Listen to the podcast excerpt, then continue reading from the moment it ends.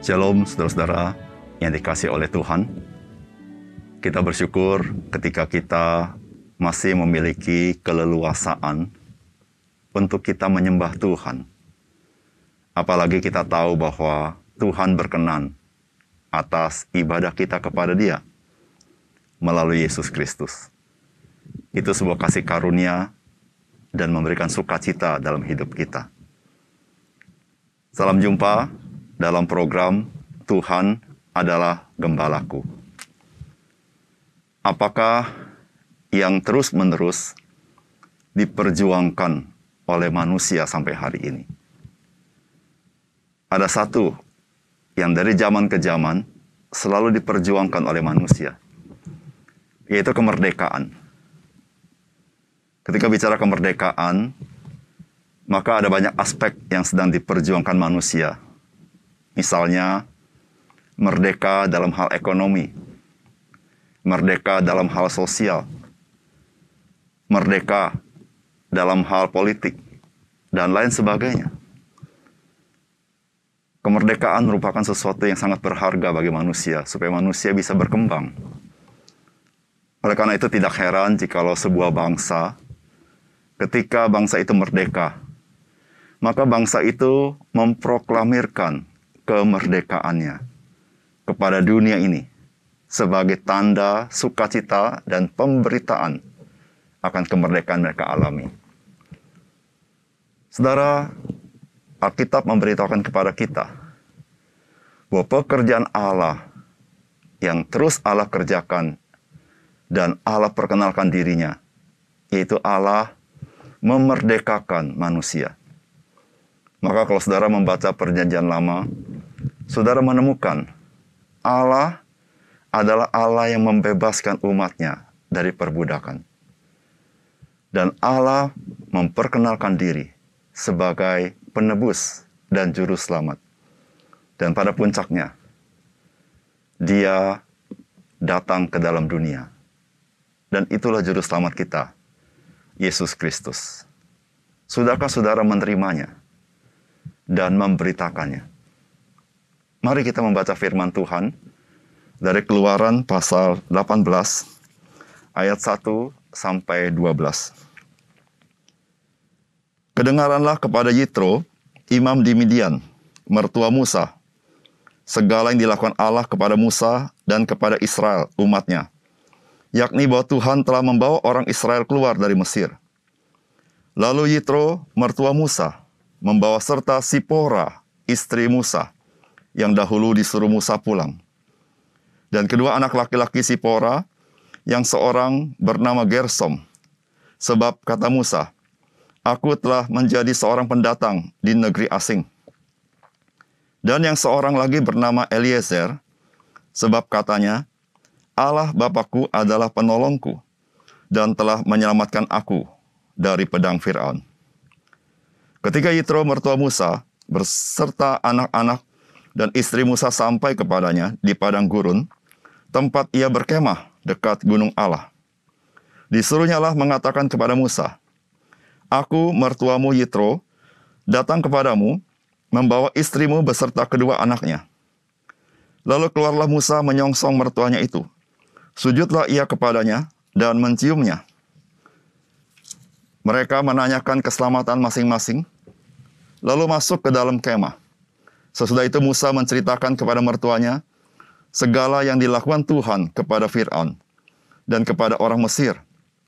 Karena Israel dan segala kesusahan yang mereka alami di jalan dan bagaimana Tuhan menyelamatkan mereka. Bersuka cita Yitro tentang segala kebaikan dilakukan Tuhan kepada orang Israel, bahwa ia telah menyelamatkan mereka dari tangan orang Mesir. Lalu kata Yitro, Terpujilah Tuhan yang telah menyelamatkan kamu dari tangan orang Mesir dan dari tangan Fir'aun. Sekarang aku tahu bahwa Tuhan lebih besar dari segala Allah, sebab ia telah menyelamatkan bangsa ini dari tangan orang Mesir. Karena memang orang-orang ini telah bertindak angkuh terhadap mereka. Dan Yitro, mertua Musa, mempersembahkan korban bakaran dan beberapa korban sembelihan bagi Allah. Lalu Harun Dan semua tua-tua Israel datang untuk makan bersama-sama dengan mertua Musa di hadapan Allah. Saudara yang dikasih oleh Tuhan, Yitro, mertua dari Musa, seorang imam di Midian, setelah mendengar bahwa Tuhan membebaskan Musa dan bangsa Israel dari perbudakan Mesir. Maka ia membawa istri dan anak-anak Musa untuk mengunjungi Musa. Dan inilah yang dikisahkan di dalam bagian firman Tuhan yang kita baca. Apakah pesan firman Tuhan bagi kita hari ini? Yang pertama, firman Tuhan memberitahukan kepada kita bahwa Allah akan terus memberitakan karya penebusannya di dalam Yesus Kristus di seluruh pelosok dunia. Saudara di dalam pasal 18 ayat 1 dan 2 firman Tuhan berkata begini. Kedengaranlah kepada Yitro, imam di Midian, mertua Musa, segala yang dilakukan Allah kepada Musa dan kepada Israel umatnya. Yakni bahwa Tuhan telah membawa orang Israel keluar dari Mesir. Lalu Yitro, mertua Musa, membawa serta Sipora, istri Musa, yang dahulu disuruh Musa pulang. Karya penebusan Allah kepada bangsa Israel dari perbudakan di Mesir merupakan karya yang sangat besar. Bagaimana tidak besar?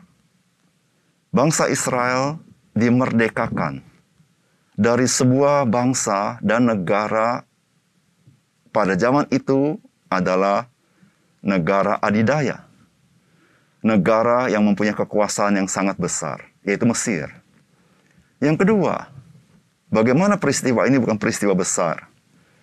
Karena yang dilepaskan oleh Allah dari negara Mesir adalah 600 ribu orang lebih dari umat Tuhan. Kita bisa membayangkan, ada 600 ribu orang lebih keluar dari sebuah negara besar. Dari sebuah kekuasaan Fir'aun. Saudara-saudara, perbuatan Allah ini perbuatan yang maha besar oleh karena itu, tidak heran kalau kita membaca firman Tuhan. Peristiwa bangsa Israel keluar dari Mesir didengar oleh Yitro.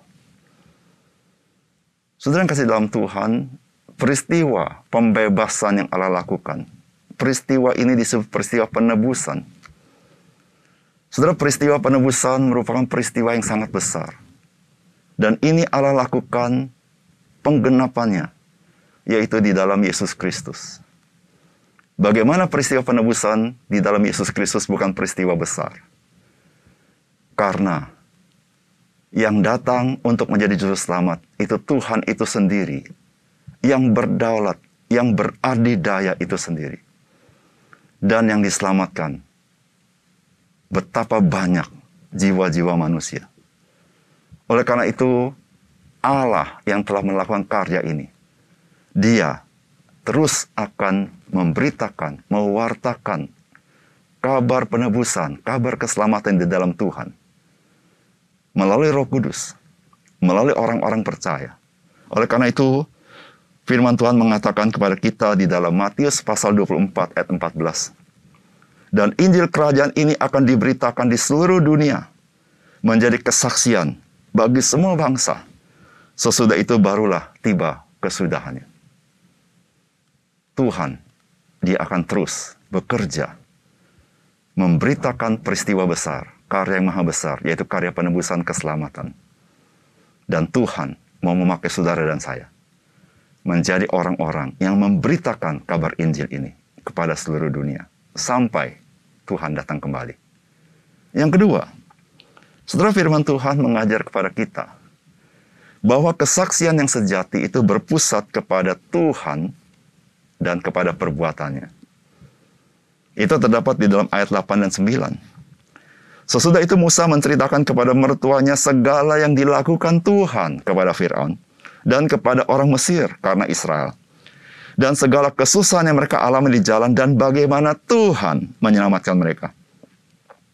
Bersukacita Yitro tentang segala kebaikan yang dilakukan Tuhan kepada orang Israel. Bahwa ia telah menyelamatkan mereka dari tangan orang Mesir. Tentu saudara kedatangan Yitro bersama istri dan anak-anak Musa sangat menggembirakan hati Musa. Namun ketika Yitro datang kepada Musa, maka Pertama-tama yang Musa ceritakan kepada Yitro adalah apa yang Tuhan lakukan dan bagaimana Tuhan menyelamatkan mereka. Musa tidak menceritakan bagaimana perbuatan Musa, tetapi Musa menceritakan bagaimana perbuatan Tuhan. Musa bukan sekedar menceritakan tentang Allah, tetapi Musa menceritakan secara spesifik apa yang Allah kerjakan dalam kehidupan bangsa Israel. Saudara, inilah sebuah kesaksian bahwa Tuhan membedakan antara umat Tuhan dengan bangsa Mesir. Dan Tuhan mengatasi seluruh ilah-ilah orang Mesir. Dan Tuhan menunjukkan Tuhan adalah Allah yang sejati. Saudara sebagai orang percaya, kita perlu dan harus bersaksi tentang Yesus Kristus dan karyanya. Namun pertanyaannya adalah bagi kita, apakah kesaksian tentang Yesus Kristus merupakan prioritas pertama di dalam kehidupan kita? Sebagaimana Musa, pertama-tama sekali yang Musa ceritakan kepada Yitro adalah, perbuatan penebusan yang Tuhan lakukan kepada Musa dan kepada bangsa Israel. Kesaksian orang percaya bercerita mengenai Yesus Kristus dan karya kayu salib bagi manusia berdosa. Sudahkah saudara menceritakan ini? Yang ketiga, bagian firman Tuhan ini mengajarkan kepada kita tidak ada Allah seperti Tuhan kita. Tuhan yang menebus umatnya. Di ayat 9 sampai 11 berkata begini. Bersuka cita Yitro tentang segala kebaikan yang dilakukan Tuhan kepada orang Israel. Bahwa ia telah menyelamatkan mereka dari tangan orang Mesir.